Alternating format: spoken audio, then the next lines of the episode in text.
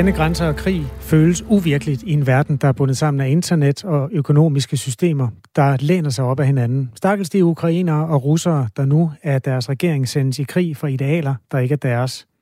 Nogen er grænsat af venner, desværre. Står der i en meget lyrisk sms, der analyserer den her situation, der udspiller sig i Ukraine netop nu. Klokken er fem minutter over otte, og invasionen fra russisk side er i fuld gang. Og øh, i forlængelse af det, så øh, kan vi lige tage et lille overblik over, hvad vi øh, ved indtil øh, videre. Der har været øh, ret mange fordømmelser fra vestlig side. USA's præsident Joe Biden har været ude. Det har øh, Jens Stoltenberg fra NATO også, og mange andre. Øh, de danske, den danske statsminister, også øh, den danske udenrigsminister, har været ude og fordømme de her angreb, og har også været ude og varsle, at der vil øh, blive slået igen med øh, sanktioner. Det er noget af det, vi, øh, vi har kunne se tækket ind i løbet af morgenen. Det, der sker på landjorden, er altså, at der er faldet missiler ved flere store byer i Ukraine, blandt andet hovedstaden Kiev og Kharkiv, som ligger længere mod øst. Der er militære installationer og kommandocentraler blevet ramt af missiler, sandsynligvis fyret af fra øh, den hviderussiske øh, del af landkortet, altså oven for Ukraine på kortet, hvor Rusland også har omkring 30.000 soldater stationeret.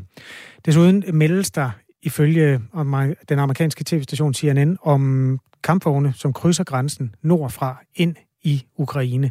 Altså øh, soldater, der har været stationeret i Hviderusland, som nu krydser grænsen til Ukraine. Men det er ikke bekræftet øh, endnu, hvis vi tager tingene med et grænsalt. Men det kan være, at vi kan få mere at vide om det øh, nu. Øh, ja, vi kan i hvert fald også lige runde en anden ting, som også er noget af det, der er kommet øh, her til morgen. Øh, fra det ukrainske indrigsministerium lyder det, at øh, den, det første dødsfald er sket i de her øh, kamphandlinger. Ifølge den ukrainske indrigsminister har en person øh, mistet livet, og en er blevet såret under øh, artilleribeskydning i, øh, i en by tæt på Ukraines øh, hovedstad Kiev. Men igen også nogle meldinger, som jo lige nu skal tages med det forbehold, at vi ved kun det, som vi får fra de parter, der er tæt på konflikten. Men som jeg sagde før, så er sanktionerne væltet ned over Rusland, efter at Putin altså har valgt dels at anerkende to udbryderregioner i det østlige Ukraine som uafhængige tidligere på ugen, og så i lyset det også her til morgen har i gang sat et angreb på Ukraine. Godmorgen Martin Lidegaard. Godmorgen. Fra Radikale Venstre og formand for Udenrigspolitisk Nævn. Hvordan øh, forholder du dig til den situation, vi ser udspillet sig i øh, Ukraine lige nu? Jamen, det er det rene vanvid, og jeg er egentlig enig i den Twitter, I citerede før. Det er, det er uvirkeligt, at vi skal opleve det her i Europa i det 21. århundrede. Det er jo helt på den korte bane, øh, har Putin valgt sandsynligvis at sende tusindvis af helt unge mennesker direkte i døden, hvis han øh, gør alvor det her fuldskælt angreb, og det tyder det jo på, at han gør. Øh, og dertil kommer så de mange, mange flere, der vil få smadret deres liv og skal på flugt osv. Alt sammen fuldstændig meningsløst. Så det bliver man selvfølgelig øh, stærkt oprørt over, og jeg fordømmer på linje med alle andre det samme. Vi talte med øh, Venstres medlem af Udenrigspolitisk Nævn, Michael Ostrup Jensen, tidligere, som fortalte, at I jo havde et møde i nævnet i går, hvor I faktisk også fik underretninger om, at øh, der meget vel kunne være et angreb på vej. Hvad ved du lige nu om øh, situationen i Ukraine? Jeg ved ikke meget mere, end I gør. Det er korrekt, at vi fik, øh, fik de informationer, som sådan set er fortrolige, men, men altså efterretningstjenesterne har jo længe varslet. Det her Joe Biden jo selv var meget åben omkring, øh, at det her var på vej. Men rigtig mange, inklusive mig selv, har været skeptiske over for, om han virkelig vil vælge at gå fuldskæld Putin, altså ind og tage hele Ukraine, fordi der er ikke noget rationelt i det. Han har sådan set allerede opnået sit formål. Han har smadret Ukraines økonomi. Han har taget et bid af landet som betyder, at de ikke kan blive medlem af NATO og EU i, i mange, mange år frem efter. Så hvad det egentlig er, han vil opnå med det her, øh, som jo også trods alt er en kæmpe risiko for ham selv, fordi jeg tror, at Rusland vil reagere, når deres sønner og døtre kommer hjem i kister, og, og de økonomiske sanktioner kommer til at vælte ned over dem. Men altså, der er noget, der, der handler om, hvad vi kan og skal gøre på den korte bane, Øh, og så er jeg faktisk på vej lige nu i skrivende stund til Paris og mødes med mine kollegaer, altså formændene for alle de udenrigspolitiske udvalg. Og der tror jeg, at vores drøftelse vil kigge lidt længere frem, altså på mellemlang og længere sigt. Hvad, hvad bliver svaret på det her? Fordi det vil sætte sig historiske spor i, i Europa, det her. Og hvad er svaret på det, hvis man spørger øh, dig? Som, hvad går du ind til mødet med? Jamen altså, her nu øh, er, er selvfølgelig fuld skæld på de økonomiske sanktioner, man har planlagt. Øh, men, men jeg må sige, at øh, jeg håber, jeg kan overbevise mine kollegaer om, at vi nu endelig kan tage beslutning, en principbeslutning om, at vi skal udfase vores import af russisk gas. Altså, det er jo hele centralnaven i den russiske økonomi og i Putins krigsmaskine. Det er de milliarder euro, som vi sender i hans retning hvert år, og, og stadigvæk gør, mens vi to taler sammen. Det at tage den principbeslutning, at nu vil vi være fri af det, det er jo ikke noget, vi kan effektuere i morgen, men principbeslutning er et stærkt signal. Og så må kommissionen lave en roadmap, hvordan vi får mere energieffektivitet, vedvarende energi og andre forsyningskilder, som gør, at vi over de kommende år så kan effektuere beslutningen. Men vi kan ikke leve længere med det her, og det tror jeg faktisk er noget af det eneste, Putin har respekt for. Det er hans egen pengepunkt og, og hele Ruslands, kan du sige, central nerve. Vi talte tidligere med Henrik Drusebjerg, der analyserer finansmarkederne, for han er investeringsekspert, øhm, og øh, han sagde, at han har ikke nogen som helst tillid til, at den vestlige verden vil risikere en recession og en tilbagegang i økonomien, fordi man ikke vil købe den russiske gas længere. Det er Ukraine simpelthen ikke vigtigt nok til. Er det rigtigt? Ja, det har jo i hvert fald været rigtigt indtil nu. Altså noget af det, jeg har, jeg har raset over længe, den min kollega er, at altså, vi ved jo, under alle omstændigheder skal udfase gas på grund af klimaet, og i 20 års perspektiv er den jo med 100% sikkerhed udfaset. Det er alle enige om. Og min pointe er bare, det kan godt være, at det her tager 5-10 år, hvis det skal være realistisk. Men at tage beslutningen nu, og så år for år nedtrappe den, det har jo en effekt med det samme rent politisk. Men, så men ikke i forhold til Ukraine. Altså Ukraine er vel så på det, i den Ukraine er vel tabt i den ligning så?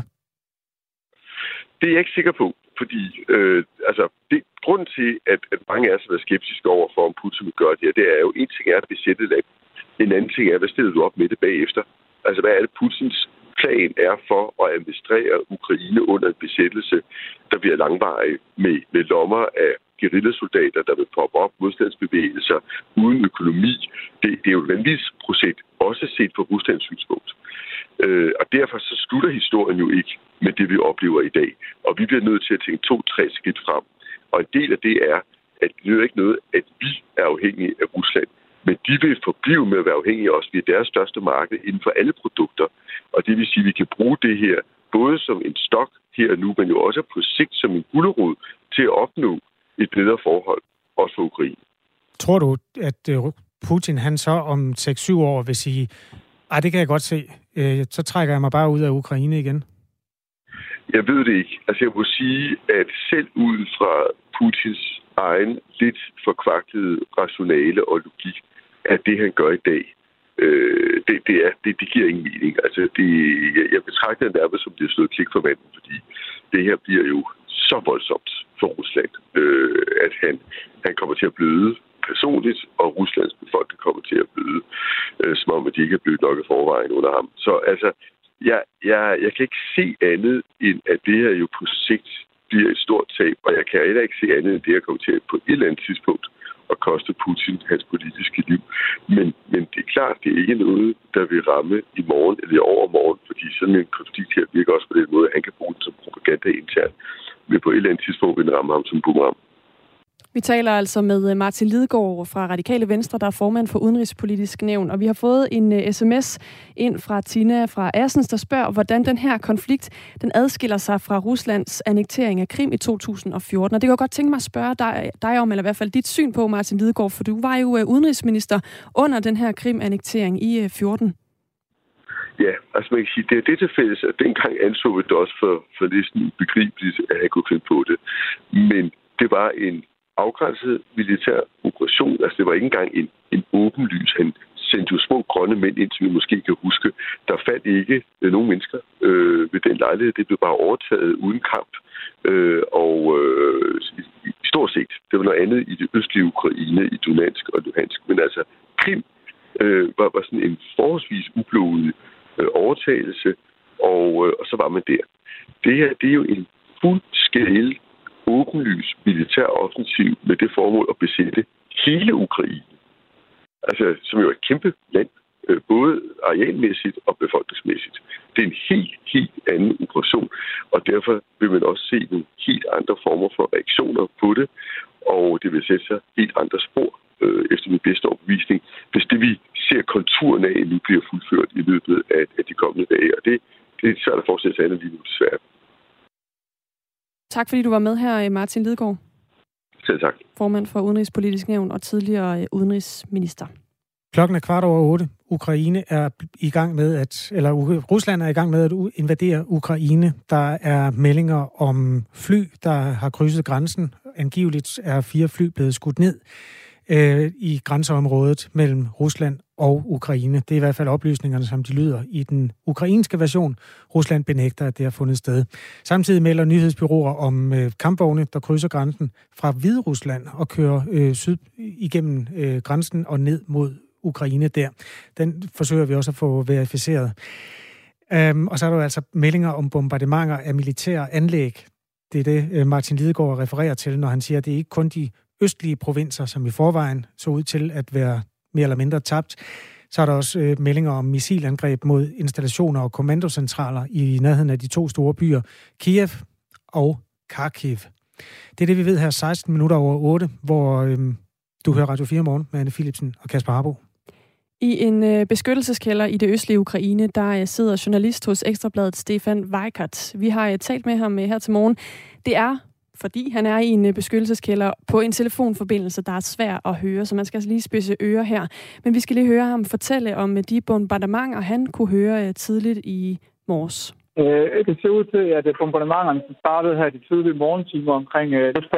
5 lokal tid, og omkring kl. 4 dansk tid at de nu er holdt op. Øh, de har ikke ramt selve bymidten, hvor jeg er nu, men i stedet for, så har de ramt, hvad der virker til at være lufthavn og militær med uden for byen. Så jeg har selvfølgelig taget, taget, altså, taget beskyttelse, altså nu til at være et sted, hvor jeg hurtigt kan rende ned et beskyttelsesrum. Lige nu der er jeg øh, tæt på, på, altså står udenfor nærmest, øh, og, men altså er ikke mere end, end, end 20 meter fra beskyttelsesrummet. Som sagt, så ser det ud til, at mange er stoppet ud af tiden. Ja, vi følger også udviklingen tæt her på kanalen, og det gør Stefan Weikert altså også fra et, uden for det her beskyttelsesrum i byen Kramatorsk. Ifølge ham så er det dog øh, svært lige nu at vide, hvem det er, der bomber hvor, og hvilke fly, der flyver hen over byen.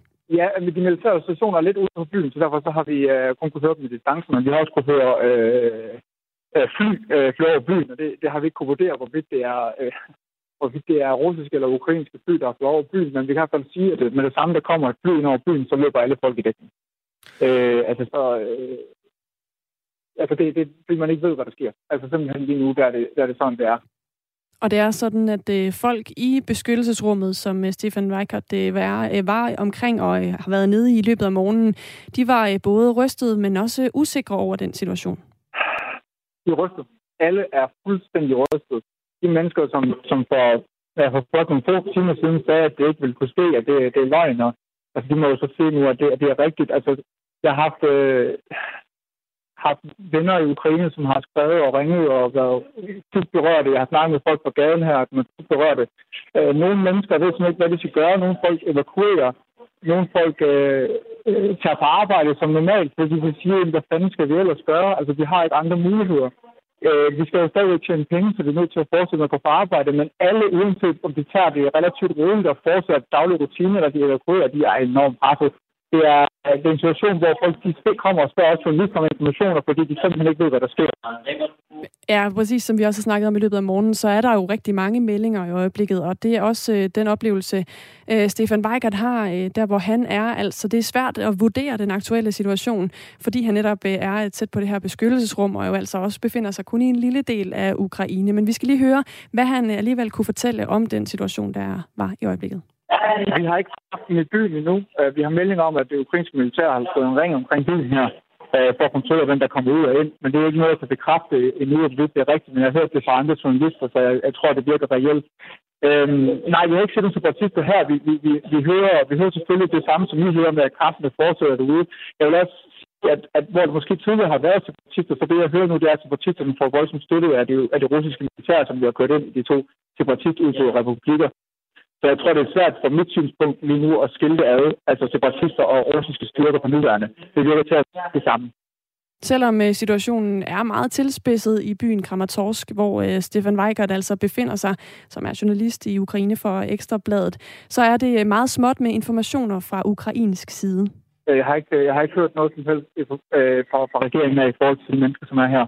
Vi har ikke haft nogen øh, regeringsfolk, som har gået ud og sige noget. Vi har ikke nogen militærfolk på døren, der fortæller noget. Øh, for nuværende, der øh, er folk lidt efterladt for sig selv, og det er nemlig det præcis det, der giver udtryk ved, at folk kommer og spørger journalister om, hvad, hvad pokker der foregår lød altså meldingen fra journalist Stefan øh, Weigert, som øh, er i byen øh, Kramatorsk i den østlige del af Ukraine, og som er journalist i Ukraine for Ekstrabladet.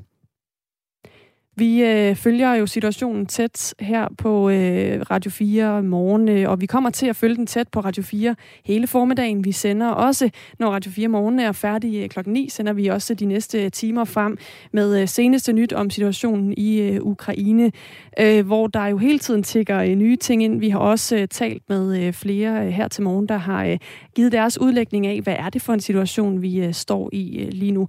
En af dem, vi også har talt med, det er øh, Lykke Friis, som er øh, direktør i Tænketanken Europa, fordi øh, EU har her til morgen været ude og fordømme Ruslands militære aggressioner og opfordret Rusland til at indstille fjendtlighederne, som det hedder, i en øh, fælles udtalelse fra Charles Michel, som er formand for det europæiske råd, og Ursula von der Leyen, der er formand for EU-kommissionen. EU-stats- og regeringschefer er indkaldt til et ekstraordinært EU-topmøde senere i dag, og øh, det eneste på dagsordenen, det er altså udviklingen i situationen mellem Rusland og Ukraine. Det var faktisk et møde, som man havde indkaldt til allerede inden, at øh, der skete de her ting i Ukraine i løbet af natten. Men det er selvfølgelig ikke et møde, der er blevet mindre vigtigt her til morgen, fortæller direktør i Tænketanken Europa, Lykke Friis. Ja, nu går man jo op øh, med al sandsynlighed af, af det, man jo kan med et billede betegne som værende en, en sanktionstrappestige, hvor man jo startede øh, dog øh, ret højt oppe ved for eksempel jo så, at, at Tyskland jo har besluttet sig for ikke at lade den meget berømte øh, gasledning, gas, øh, der hedder Nord Stream 2, øh, og lade den certificere, altså gå i gang. Men, men det, der følger nu, øh, det vil være egentlig handelssanktioner. Det vil være, at flere øh, personer, som er knyttet til Putin, vil komme på, på sanktionslisten. Og så formoder jeg altså også, at, at en af egentlige energisanktioner, altså at man så vil, vil tage noget, noget af det, som russerne reelt øh, jo så også tjener penge på nu om dagen, nemlig så deres eksport af energi, at det også bliver en del af, af sanktionerne, og i hvert fald drøftelsen lød det altså øh, tidligere på morgenen fra øh, Lykke Friis, som er øh, direktør i Tænketanken Europa. Ifølge flere forskellige medier er indtil videre ja, flere ukrainske byer under angreb. Det, gider, det gælder hovedstaden Kiev, det gælder Kharkiv, der ligger længere mod øst. Så er der havnebyen Odessa, som ligger i den sydlige del af Ukraine, og Mariupol, som ligger i republikken Donetsk, altså en af de ramte regioner, provinser, der ligger sådan helt over til højre på kortet og som længe har været i kikkerten for øh, russisk øh, militær. Nu har vi Nikolaj Krav med os, som er i Ukraine. Godmorgen. Godmorgen, eller hvad man nu skal kalde det. ja, nå ja. Jeg beklager. Jeg ved ikke engang, hvor du er henne i Ukraine. Det er gået lidt stærkt, det her. Hvor er du henne? Jeg sidder i Kiev. Okay. Øh, hvor henne helt præcist? Jamen, jeg sidder i nærheden af olympiske stadion, så jeg sidder på, på den højre bred øh, i nærheden af centrum og universitetet. Øh, og så har jeg sat mig ind på mit kontor, fordi øh, på mit kontor har jeg et øh, mødelokale, hvor der ikke er nogen vinduer. Så hvis der er et eller andet, der eksploderer udenfor, så, så skulle jeg ikke få glassplinter i, i hovedet. De meldinger, vi har hørt om Kiev, hvor du befinder dig i øjeblikket, det er, at der er faldet missiler nordfra, sandsynligvis, øh, som har ramt militære installationer, som det hedder, altså en eller anden form for kommandocentral eller kommunikationsenheder. Ved du noget om det? Øh, det gør jeg faktisk ikke. Altså, jeg, jo, jeg følger med i chat, øh, og, og, og altså, jeg har talt med nogle af de kontakter, jeg har hernede, ikke? Men, men jeg blev vækket af en telefonopringning, og fik at vide, at det var gået i gang. Og, og da jeg så begyndte at tale med folk, så de, de havde hørt øh, eksplosioner ude fra lufthavnen. Øhm, men min, øh, men min øh, HR-direktør har været ude i nærheden af lufthavnen her til morgen for at hente sin søn øh, derude hos øh, bedstforældrene. Øhm, og, og Altså, da jeg vågnede øh, i, i morges, øh, så tænkte jeg, at jeg må nok hellere se, om bankvæsenet fungerer, om jeg kan få nogle kontanter ud. Øh, så det gik jeg ned og gjorde. Øh, så tænkte jeg, det var da underligt. Jeg havde stadigvæk nogle banktransaktioner, jeg kunne lave, men det kunne jeg lave online, så dem har jeg lavet. Øh, øh, så det, øh, altså, bortset fra, at der er folk, der pakkede biler, og folk, der tog kufferter ned i metroen og så videre, Øh, så er der et par caféer, der er åbne. Jeg har et par folk, der er på vej ind øh, på arbejde faktisk, fordi at øh, de synes, de sidder bedre her og skal have styr på vores folk rundt omkring, hvad de laver. Øhm, så øh, altså ind, ind, indtil videre fatte ro, vil jeg sige. Øhm, Okay, jeg samler lige op, Nikolaj Krav, altså for lytternes skyld, vi har fat i dig, som er næringsdrivende i Ukraines hovedstad Kiev og prøver at øh, ja, indtil videre få livet til at øh, gå videre, både på din egne og på din virksomheds vegne. Altså er det simpelthen på det niveau, at du går ud og hæver kontanter? Så tænker man sådan, at skal du også ud og hamstre madvarer? Ja, det har jeg allerede gjort. har du gjort det? Hvad, hvad vil det sige? Ja, det har jeg gjort for, for lang tid. Jamen, altså, altså jeg, jeg boede i gruppe under, under jordskældet og timerne efter, ikke? Og, jeg, og jeg lærte jo i Japan, at man skal altid have en god forsyning af toiletpapir og drikkevand. Øh, så det har jeg. Øh, og så har jeg så skrevet op med en god forsyning af, af konserves, øh, som, som ikke skal koges. Øh, ja, fordi det, det, det har jeg fået anbefalet. Øh, så, så både her på kontoret og lejligheden har jeg masser af drikkevand. Øh, øh jeg har også øh, forsyninger og kager og så videre, som, som kan vare et stykke tid. Øh, men kontanter, det var sådan lige... Øh, der synes jeg godt, jeg kunne bruge lidt flere. Det her, det er jo sådan fra 0 til 100 på en eller anden måde fra, på konflikttrappen, når, man, øh, når, når bomberne begynder at falde. Hvordan har du det lige nu? Mm, jo, lidt, jeg har ikke troet, det kom hertil. Øh, det, det må jeg ærligt erkende. Ikke? Så, så på en eller anden måde øh, har jeg det sådan lidt, som om jeg er komisk ali, ikke? Øh, som, som vi siger ude sammen fra Bagdad. Ikke? Øh, at jeg måske har været sådan lidt virkelighedsfornægtende. Øh, men, men ellers, altså, øh, i går havde jeg det som om, jeg skulle til eksamen, og jeg ikke havde fået læst på det hele. Ikke? Øh, og i dag er eksamen i gang, og der er jeg sådan set forholdsvis, rolig. forholdsvis rolig. En ting er jo sikkerheden, og noget andet er sådan på den længere bane. Nu er jeg lidt, det er gået lidt stærkt med at få fat i dig, så jeg er lidt usikker på, hvad det er for en virksomhed, du driver i Ukraine. Hvad er det, du laver? Uh, vi, vi er en IT-virksomhed, uh, øh, så vi laver udvikling på økonomiske systemer, primært uh, Microsoft Dynamics. Uh, uh, og, og vi er ISO-certificeret, så vi har de sidste tre år gjort os til en cloud-baseret virksomhed, så alle folk kan arbejde hjemmefra. Uh, der er sådan set ikke nogen grund til, at folk er på kontor. Så så længe vi har internet, så kan vi fortsætte. Øhm, Men kan, det, I, kan I ikke vælge at sidde i et andet land? Det tror jeg da, jeg vil gøre. Øh, jo, det kan vi godt, øh, og det kommer vi nok også til øh, for en, for en del af vores forretning. Øh, men det er jo sådan, at vores medarbejdere i Ukraine i hvert fald, de har jo familie her og ejendom her, ikke? Øh, og den har de jo ikke lyst til at løbe væk fra.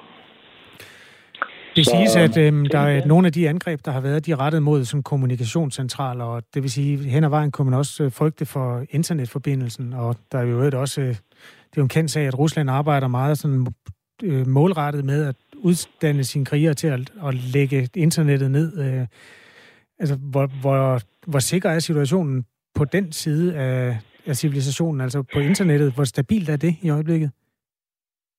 Jamen, det, det, det virker rimelig stabilt. Øh, altså, jeg ser i hvert fald at chatter. Det, det vil sige, det, Ukraine er jo, er jo en kraftig øh, uh, IT-organisation. Øh, uh, der, der sidder jo næsten 300.000 mand, som udvikler IT i forskellige dele af Ukraine. Um, og jeg tror, jeg tjekkede det her i begyndelsen af ugen, netop fordi jeg stillede mig det samme spørgsmål. Og der er cirka øh, 2.000 øh, internet service providers i Ukraine, så nettet er forholdsvis øh, decentraliseret. Øh, der er et par bottlenecks sidst og pist, øh, så man, man kan godt lægge det ned, men ja, det der var den kommentar, jeg fik fra de eksperter, jeg talte med, at det var nok svært at lægge det ned for en længere periode. Man kunne lægge det ned et par dage.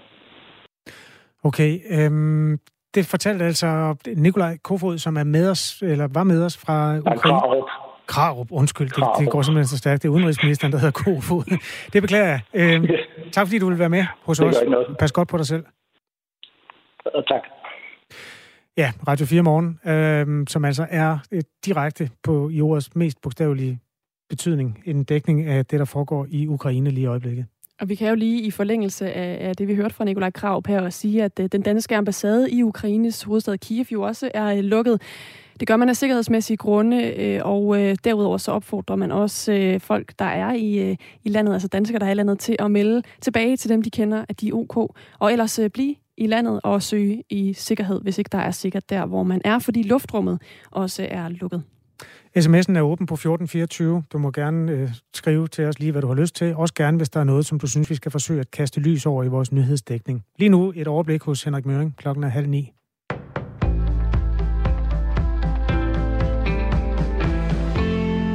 Mindst syv er døde og ni er blevet såret under russisk artilleribeskydning forskellige steder i Ukraine. Det oplyser de ukrainske myndigheder ifølge Reuters.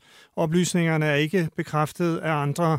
Der er ingen meldinger om, hvorvidt de afdøde er civile eller soldater. Det er den første officielle melding om dødsfald siden Rusland i nat indledte et større angreb mod Ukraine. Udenrigsminister Jeppe Kofod fordømmer på det kraftigste Ruslands angreb mod Ukraine, som begyndte i nat. Det her det er altså en, øh, en mørk dag i Europas historie. Det vi ser nu, det er, at øh, Rusland har iværksat et øh, tilsyneladende omfattende angreb, invasion af Ukraine, øh, både fra øh, øst, fra syd, fra nord af rapporterne om angreb. De større byer øh, i Ukraine er, øh, er blevet angrebet Kofod slutter sig til en række regeringschefer og statsledere, der har fordømt Ruslands angreb på Ukraine.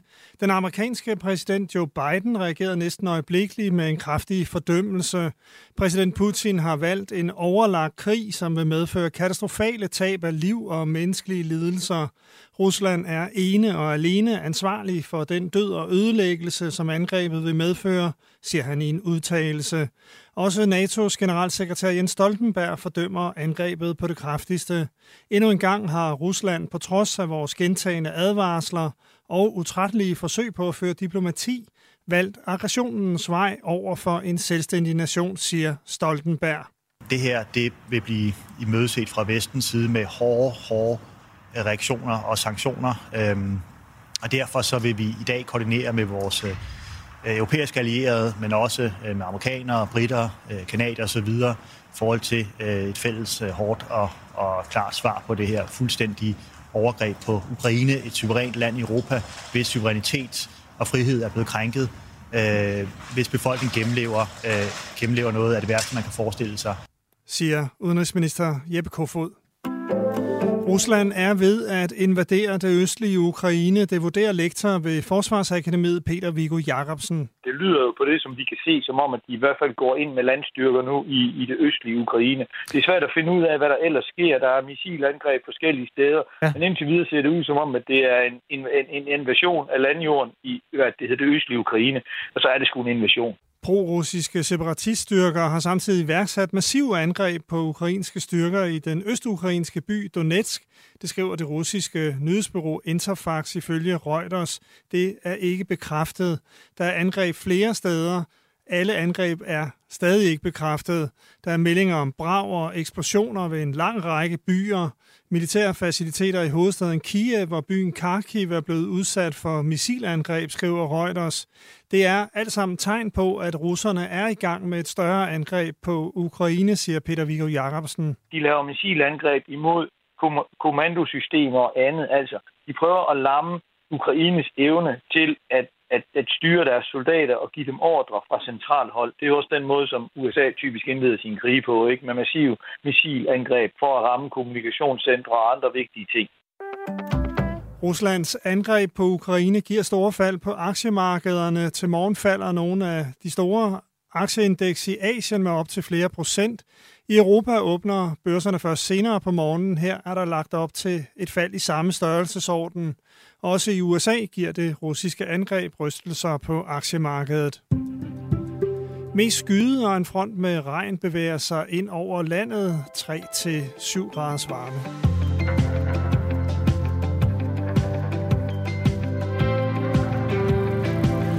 Klokken er 8.34 i et øh, fredeligt land, øh, der hedder Danmark. Det er her, vi forsøger i Radio 4 Morgen at skabe et overblik over det, som det betyder for dig, og i virkeligheden for hele verdenssamfundet, det der udspiller sig i Ukraine netop nu. Vi skal se på øh, noget, der er udspillet sig her til lands for kort tid siden. Der var nemlig øh, pressemøde med udenrigsminister Jeppe Kofod øh, uden for Udenrigsministeriet for ikke så længe siden. Øh, noget, som Henrik Møring også lige omkring i nyhederne her. Vi skal lige høre et klip her, øh, som kommer fra TV2 News. Det her det er altså en, en mørk dag i Europas historie. Det vi ser nu, det er, at øh, Rusland har iværksat et øh, tilsyneladende omfattende angreb, invasion af Ukraine, øh, både fra øh, øst, fra syd, fra nord af rapporterne om angreb. De større byer øh, i Ukraine er, øh, er blevet angrebet. Øh, det er præcis det, som også amerikanerne har været ude og advare om, den drejebog, som som der har ligget fra Rusland og Putins side, den bliver nu øh, desværre til virkelighed. Det er øh, meget, meget trist, og mine tanker går først og fremmest til den ukrainske befolkning, som må leve i det her i den her situation her igennem noget, som jeg tror få af os kan forestille os. Det er også klart, at vi har givet Putin og Rusland alle chancer for at vælge en fredelig, diplomatisk øh, forhandlet vej ud af den konflikt. Det har Rusland ikke valgt. Tværtimod øh, kan vi se, at, at øh, de militære aktioner øh, er i gang. Øh, det her det vil blive imødeset fra vestens side med hårde, hårde øh, reaktioner og sanktioner. Øh, og derfor så vil vi i dag koordinere med vores øh, øh europæiske allierede, men også øh, med amerikanere, britter, øh, kanadier osv., i forhold til øh, et fælles øh, hårdt og, og klart svar på det her fuldstændige overgreb på Ukraine, et suverænt land i Europa, hvis suverænitet og frihed er blevet krænket, øh, hvis befolkningen gennemlever, øh, gennemlever noget af det værste, man kan forestille sig. Så vores solidaritet og medfølelse til, til ukrainerne. Jeg vil også gerne sige, at øh, alle danskere, der er i landet, øh, kontakt Udenrigsministeriet. Vi har jo længe opfordret til at rejse ud af landet, øh, men har man spørgsmål, så kontakt os. Vi er øh, på vagt øh, 24-7, øh, og, øh, og der kan man få råd og vejledning, øh, ligesom vi har sendt beskeder ud til alle, der er på, på danske listen. Det gjorde vi allerede tidligt i morges. Udenrigsminister Jeppe Kofod siger også på pressemødet, at der bliver arbejdet på, hvad det samlede modsvar fra Vesten nu skal øh, bestå af. Og her taler øh, udenrigsministeren om den store hammer. Ja, det øh, vil blive koordineret senere i dag. Der er også et særligt både møde blandt stats- og regeringscheferne i EU her senere i dag. Ligesom at vi har god kontakt selvfølgelig med amerikanere, britter og kanadier. Det, der er vigtigt, det er, at det er et samlet, koordineret effektivt øh, sanktionsmodsvar, der øh, er den, den store hammer, der rammer øh, Putin og, og Rusland. Det her, det er fuldstændig vanvittigt, hvad der er gang i fra Ruslands side, og det vil som sagt blive, øh, vores reaktion vil blive øh, mødt meget, meget kraftigt. Jeppe Kofod vil dog ikke her til øh, morgen på pressemødet blive konkret på, hvad det er for nogle sanktioner, der kommer til at ramme Rusland. Det skal øh, blandt andet ske øh, beslutningen om det i samarbejde med de europæiske udenrigsministerkolleger. Vi er øh, enige om, at det øh, Rusland nu foretager sig er fuldstændig uhørt. Et angreb på øh, alle regler, normer og forpligtelser, Rusland selv er omfattet af, inklusiv øh, folkeretten. Øh, og den brutalitet, vi, vi, vi ser, altså øh, udspille sig. Større byer er til synligheden under angreb i Ukraine, som er som sagt både fra nord, fra øst, fra syd, altså hele vejen rundt om Ukraine. Så det scenarie, som amerikanerne ikke mindst advaret om offentligt, det ser vi altså udspille sig på jorden nu øh, trods de mange tilbud til Rusland og Putin øh, at vælge fredens vej, så har han altså valgt nu øh, militær konfrontation øh, og krænkelse af helt fundamentale øh, normer og regler internationalt. Det skal vi reagere hårdt imod, og det kommer vi til at reagere hårdt imod alle sammen i en samlet front fra vestens side. Og I vil høre mere, mere senere i dag.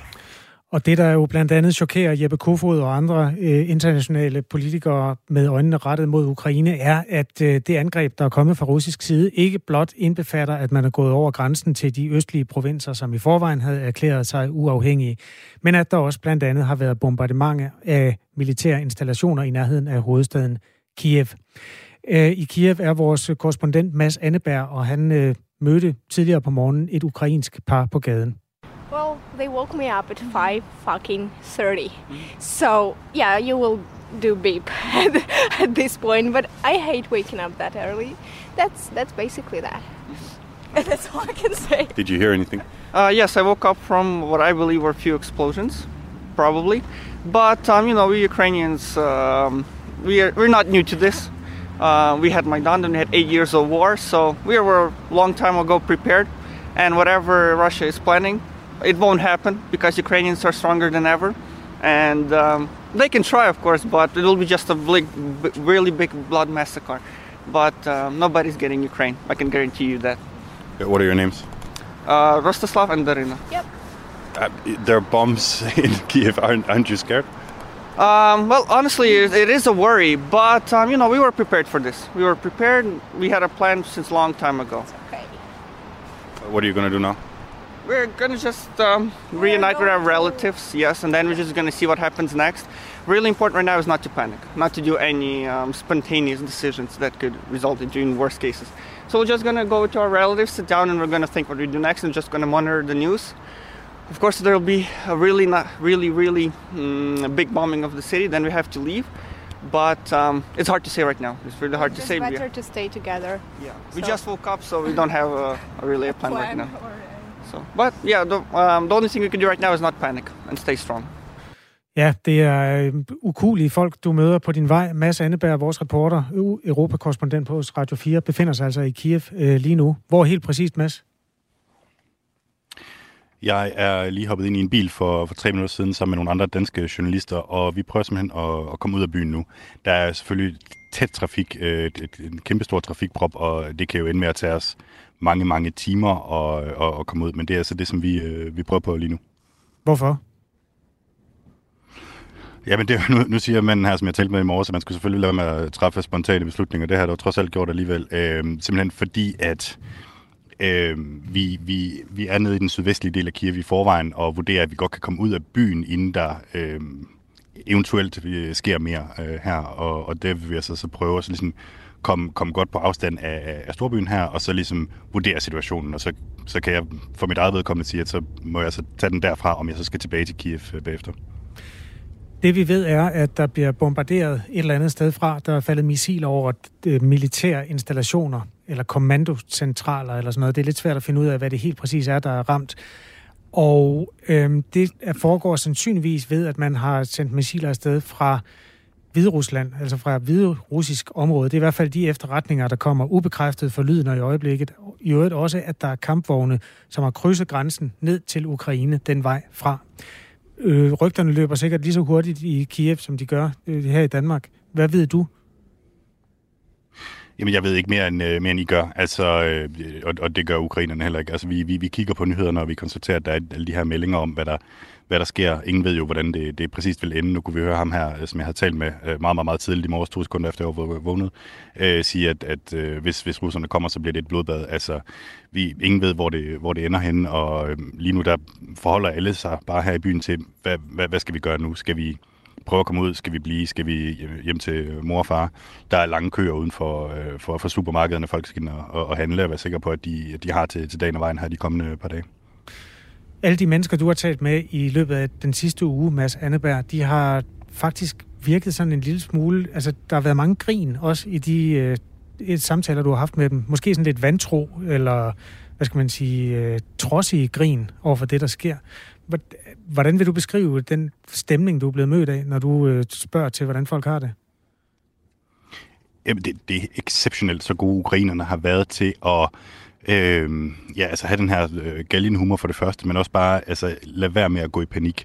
Og øh, hvis, hvis, øh, hvis du var kommet herned i så sent som i går, så ville du nok have tænkt, det, det er ikke her, der, der er konflikt. Det, det, det kan ikke være rigtigt, fordi det ser, det, det ser så normalt ud. Øh, i dag der er situationen selvfølgelig en helt anden. Der er, altså, som, som jeg var inde på før, øh, mange mennesker, der prøver at komme ud af byen nu. Man hører sirener rundt omkring. Øh, så, så det er klart, at, at en morgen som den her, så, så krakelerer den her sådan, historiske facade lidt. Men, men jeg vil altså stadig sige, at de folk, jeg har talt med her til morgen, de har, de har også sagt til mig, lad være med at gå i panik. Vi, altså, tag, tag det roligt. Vi, vi må se, hvad der sker. Du lytter til Radio 4 morgen, hvor vi samler op på det, der viser sig at være en russisk invasion fra flere kanter ind i Ukraine. Efter mange ugers øh, mobilisering af styrker rundt omkring Ukraine, er der nu russiske øh, soldater, der gør sig gældende til synlædende på hele tre fronter. Det er i hvert fald det, vi hører fra øh, Udenrigspolitisk nævns formand Martin Lidegaard, som vi havde igennem lidt tidligere. Der er forlydende om kampvogne, der krydser grænsen nordfra. Der er forlydende om kamphandlinger og i øvrigt fly, der krydser grænsen øh, fra øst, altså fra den russiske side af grænsen. Og så er der sådan sporadiske kamphandlinger også ved, øh, med medvirken fra øh, det, der hedder pro-russiske militser, altså i virkeligheden ukrainske statsborgere, som øh, bekæmper Ukraines militær indefra. En ret kaotisk situation, som vores reporter Mads Anneberg er på vej væk fra øh, ved at køre ud igennem øh, hovedstaden Kiev, altså mod vest. Mads Anneberg, fortæl lige, hvad du kan se derfra, hvor du sidder i bilen biler, biler, biler, biler, biler. Altså det er bare øh, folk, der, der prøver at komme ud af byen. Jeg, jeg tror ikke nødvendigvis, folk øh, har noget begreb om, hvor de skal hen. De skal bare, de skal bare vestpå. Altså, fordi det er det, man regner med, at jo længere vestpå øh, man kommer, jo, jo mere sikker er situationen. Og, og først og fremmest det, det handler det, tror jeg, for folk om at komme lidt på afstand af, af selve byen, fordi at de meldinger, vi får her til morgen, kunne godt tyde på, at, øh, at, at det her, øh, kampen er på vej til. Men vi ved det selvfølgelig ikke, det skal jeg understrege. Og Ukraine er jo altså sådan et nogenlunde rektangulært land, der er cirka 1300 km fra den østlige grænse, som grænser op til Rusland, hvor kamphandlingerne står på, og hvor jo to provinser har erklæret sig uafhængige, Lugansk og Donetsk. Og så helt over til Polen i vest, og der begynder NATO jo altså, og der kunne man jo så have en formodning om, at der er mere sikkert at befinde sig. Der er en stor by over på den kant, der hedder Lviv, som efter sine er et sted, hvor mange vil søge hen, og det her det kan jo altså ende med, at vi også inden for EU's grænser, som Polen også er medlem af, skal til at håndtere flygtningestrømme. At hvordan, Mads, du har jo set øh, lidt af hvert, du har også øh, været øh, set flygtninge sådan fra, øh, altså i den borgerkrigsagtige øh, afdeling, når du har fulgt øh, tingene fra EU's ydre grænser. Hvor, ligner det det, som sker nu? Altså folk, der simpelthen er på flugt? Nej, du kan sige, at det er jo allerede flere uger siden, at øh, polakkerne meldte ud, at de begyndte at forberede sig på op til 1 million flygtninge fra Ukraine. Men jeg vil så sige, det er slet ikke det, folk fortæller mig, at, de, at de vil. Øhm, folk vil måske vestpå i, inden for Ukraine, men det er meget, meget, meget få, jeg har talt med, som selv hvis jeg går dem på klingen, og vi går helt ud i det yderste scenarie, som, øh, som, som vil forlade Ukraine. Der er selvfølgelig nogle, nogle, nogle stykker, som allerede har forladt landet for at være sikkerhed, men men det, er, altså det, det skal virkelig gå galt, hvis at, øh, at, at, at ukrainerne, så at sige, i, i sådan en større antal øh, forlader landet. Mads Anneberg, øh, tak for nu. Øh, vi høres ved. Øh, kør forsigtigt. Det skal jeg gøre. Europa-korrespondent hos Radio 4, altså på vej ud af hovedstaden Kiev i sydvestlig retning, i, ja, i sikkerhed for det, der ser ud til at være en russisk invasion på en morgen, hvor vi jo øh, følger situationen i Ukraine. Det samme gør vi også efter øh, klokken 9, når der har været nyheder, så fortsætter vi med at sende her på Radio 4 i, øh, i tre timer frem med alt det, der sker og tigger ind. Nogle andre, der følger øh, den her situation nøje, det er jo øh, Folketingets øh, politikere, som øh, holder, med, eller, holder øje med situationen i Ukraine. I går der var der møde i Udenrigspolitisk Nævn, og på det møde, der deltog Venstres udenrigsordfører Michael Åstrup Jensen. Og øh, selvom øh, situationen jo har ændret sig meget her til morgen, så er det faktisk øh, en information, øh, det vi kan fortælle her til morgen, som øh, minder meget om det, han allerede modtog, modtog i går. Jamen problemet er jo, at det kan man jo sige nu, det er, at reelt de efterretninger, vi har fået igennem hele forløbet, har jo desværre vist sig at være totalt sande. Og derfor kunne vi jo allerede i går se, at det, der skete i nat, at det forventeligt ville ske. Øh, og derfor er det her jo på ingen måde overraskende, men det gør det ikke desto mindre øh, det øh, mere ufattelig øh, ulykkelige. Vi skal ikke glemme, at Putin nu har placeret sig som en tyran af, af de helt store i verdenshistorien. Han har angrebet et totalt fredeligt land, som det eneste, de ønskede, det var at leve i uafhængighed og i fred. Og den drøm har han nu knust. Vi spurgte også Michael Ostrup Jensen direkte, hvad det er for nogle informationer, han havde fået forud for de her hændelser, der skete tidlig morgendansk tid i Ukraine. Og svaret på det lød sådan her. Jamen det ærlige svar er faktisk ja, øh, fordi, øh, og, og det er jo meget fortroligt, men når tingene er sket, så kan man jo godt tillade sig at sige, hvad det er, man har fået at vide. At vi fik meldinger om, at det kunne ske inden for få timer. Øh, og det, øh, det gjorde det jo så også. Øh, og, og, og derfor så er øh, de efterretninger, der har været, har jo desværre vist sig at være totalt sande, øh, nemlig at Putin vil gøre alt, hvad han kunne med at finde på dårlige undskyldninger og alt muligt andet, og at han så vil invadere og være ligeglad øh, med, at resten af verden kunne se, at det var løgn.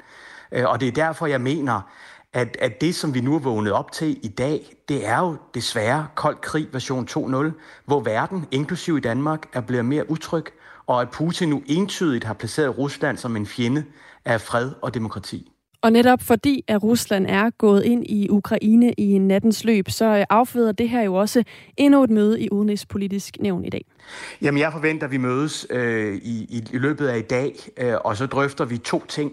Den ene ting, det er, øh, hvilken sanktionspakke 2 øh, vi skal indføre. Vi har jo allerede øh, øh lavet sanktionspakke 1 i forhold til de russiske soldater, der kom ind i Ukraine. Men nu i forhold til den her kæmpe invasion, så skal det selvfølgelig være de største sanktioner. Og så dernæst, jamen så bliver vi også nødsaget til at erkende, at det her det er også en trussel mod resten af Europa, og derfor så skal vi også have vores militær op øh, i højere beredskab øh, simpelthen. Ifølge Michael Ostrup Jensen, så er det her en øh, situation, der ikke kan undervurderes, lyder det altså fra Venstres øh, udenrigsordfører og medlem af Udenrigspolitisk Nævn. Jamen det er jo, at det regelbaserede verdenssamfund desværre har lidt knæk. Altså, øh, øh, og, og det er også derfor, at betydningen af, hvad der er sket, kan desværre ikke øh, overdrives, fordi den er så stor. Øh, og, og, og det tror jeg, vi er noget, vi kommer til at døje med i de efterfølgende år.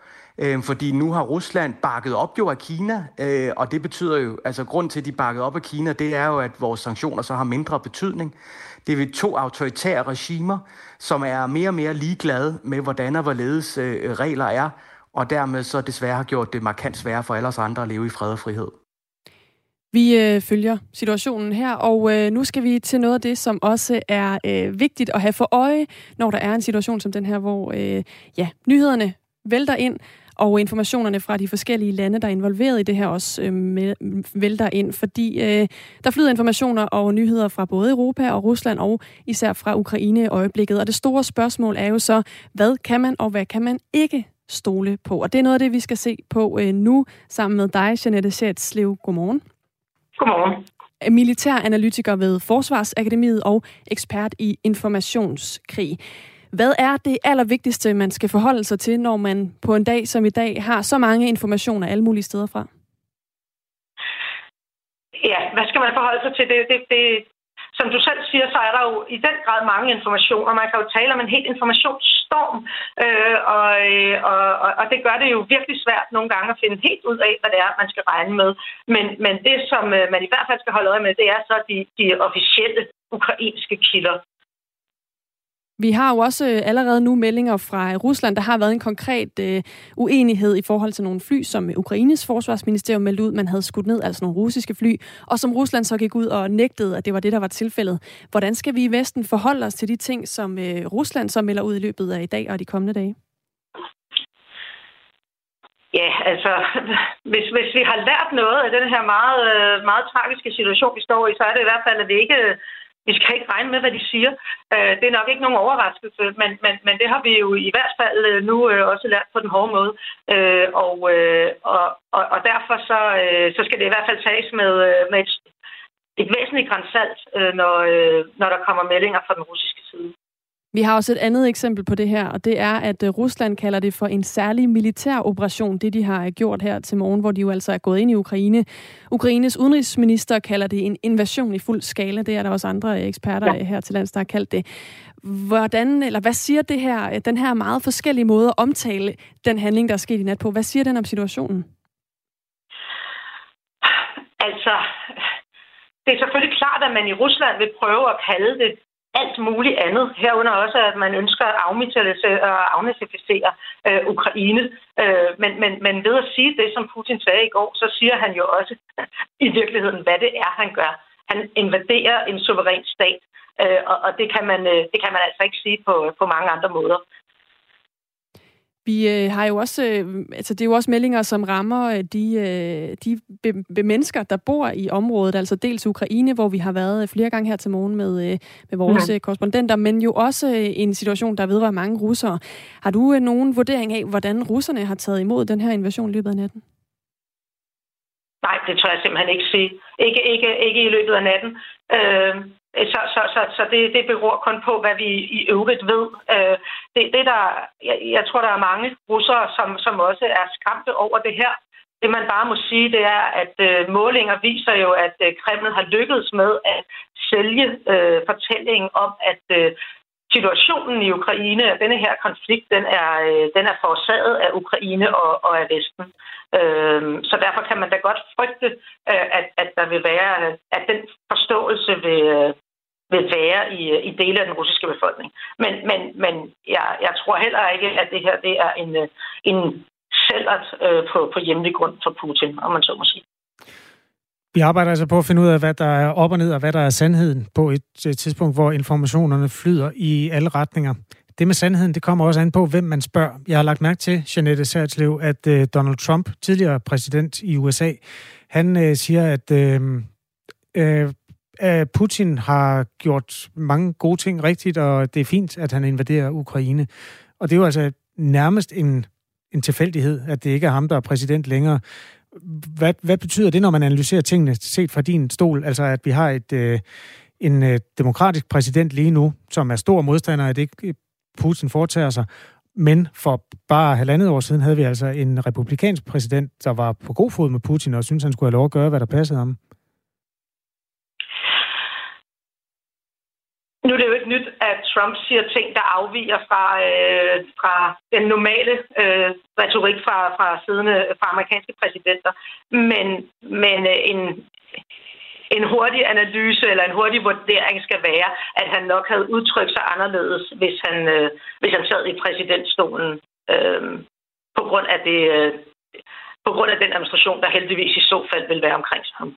Okay, ja, man afventer lidt at finde ud af, hvem det egentlig er, der, der fører ordet i det republikanske parti i øjeblikket. Han er jo stadig det, et af budene i hvert fald på en præsidentkandidat ved det forestående valg. Men du har ret, han er ikke præsident, og det kan jo også være derfor, altså i opposition siger man nogle gange nogle mere øh, håndfaste ting, end man gør, når man sidder ved, ved magten. Vi taler altså med øh, Janette Sertslev, der er militæranalytiker ved øh, Forsvarsakademiet og ekspert netop i øh, informationskrig om det her med, hvordan man skal forholde sig til de oplysninger, der kommer i øjeblikket. Øhm, kort her til sidst, Janette, hvis du skal komme med nogle meget sådan håndfaste gode råd til, hvis man sidder som lytter og gerne vil orientere sig i den her situation, men også gerne vil vide det, der rent faktisk er sandheden, altså det, der rent faktisk sker i Ukraine lige nu. Hvad vil du så konkret råde folk til, at de kan gøre for at følge med? Her, her vil jeg sige, at Twitter er et rigtig godt medie, men det handler ikke bare om at se, hvad der bliver skrevet om Ukraine. Det handler om at gå ind og følge de officielle kilder øh, herunder øh, Zelensky selv øh, og andre øh, officielle ukrainske øh, kilder. Tak for det råd, Jeanette Satslev. Velkommen. Her i Radio 4 Morgen øh, skaber vi overblik efter bedste evne over, hvad det er, der udspiller sig i øjeblikket. Jeg synes, vi skal lige bruge et par minutter på at tage de sms'er, som folk har skrevet til os. Mariem stiller et spørgsmål, som vi måske kan få kastet lys over i de kommende tre timer. Det er sådan, vi overlader sendetiden til vores øh, kolleger, der belyser den her konflikt endnu mere på den anden side af nyhederne klokken 9. Mariem skriver, hvad gør EU, hvis Putin lukker for gassen som modsvar? Og den sabel, man kan rasle med der fra russisk side, det er jo, den er jo blevet brugt begge veje. Altså her i EU, der mener blandt andet formand for Udenrigspolitisk Nævn i Danmark, Martin Lidegaard, at det vil være en god, solid trussel, hvis vi siger, at vi vil gøre os fri af Ruslands øh, gasforsyning og klare os uden den. Men det er rigtigt, øh, som Mariem påpeger, at hvis det er Rusland, der lukker gassen i morgen, så er det i virkeligheden dem, der sidder med overhånden i den konflikt.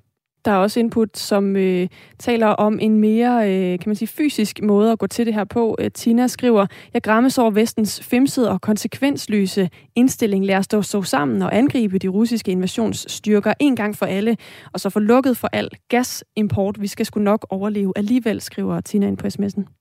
Alexander, han er øhm, også med på sms'en og skriver, det er forfærdeligt, det der sker i Ukraine. Man kan, kan vide, hvor mange europæer, der faktisk ønsker at inddrages i en krig. Det største problem er, at øh, gør Vesten ikke noget, så kigger Kina og tænker, så kan vi også indtage Taiwan. Lyder analysen fra Alexander, der altså også har lyttet med her til morgen, hvor vi har dækket øh, dagens og krigens øh, udvikling siden klokken 5.30 i morges. Og det fortsætter vi med her i studiet, får vi nu besøg, eller vi overleder faktisk alle mikrofonerne til Ida Sofie Sellerup og Stine Krohmann Dragsted. Godmorgen. Godmorgen. Godmorgen. Hvad har I på tapetet? Vi fortsætter simpelthen med at følge den udvikling, I jo også har fulgt hele morgen. Altså, der er jo en invasion i gang i Ukraine, og vi skal selvfølgelig kigge på konsekvenserne. Både øh, hvad eksperterne siger, hvad politikerne siger, og, og så skal vi selvfølgelig også få fat i så mange danskere, som befinder sig i Ukraine lige nu, og høre fra ukrainere, som også befinder sig i Danmark. Stine, du har boet i USA og er sådan ret godt vant til storpolitik på den her skala. Hvordan oplever du det her? Jeg oplever det som øh, også en kamp om ord lige nu, og en, en kamp om en fortælling, og det er jo det, vi er i gang med, når vi står i radioen. Mm. Altså lige nu, så er der jo også, og det skal vi jo hele tiden holde os for øje, en kamp i gang om, hvilke informationer vi får fra USA, fra Rusland. Det er jo også noget af det, som vi vil holde, holde øje med, når vi følger udviklingen. Ida Sofie, hvilke sms'er kunne du godt tænke dig fra folk, der, der plejer at, at være åben for informationer den vej? Og det er der bestemt også de næste tre timer. Vi sender jo har vi regnet med frem til kl. 12. Og vi efterlyser altså alle reaktioner, holdninger, men også spørgsmål, som vi gerne vil forsøge at besvare i løbet af de næste tre timer. Så hvis man sidder og brænder ind med noget, nu har I været dygtige til at inddrage lytterne undervejs. Hvis man sidder og brænder ind med et spørgsmål, så fyr det endelig ind på 1424. Tak fordi du hører Radio 4 morgen, som bliver til formiddag om lidt. Nu er der et overblik med Henrik Møring klokken er 9.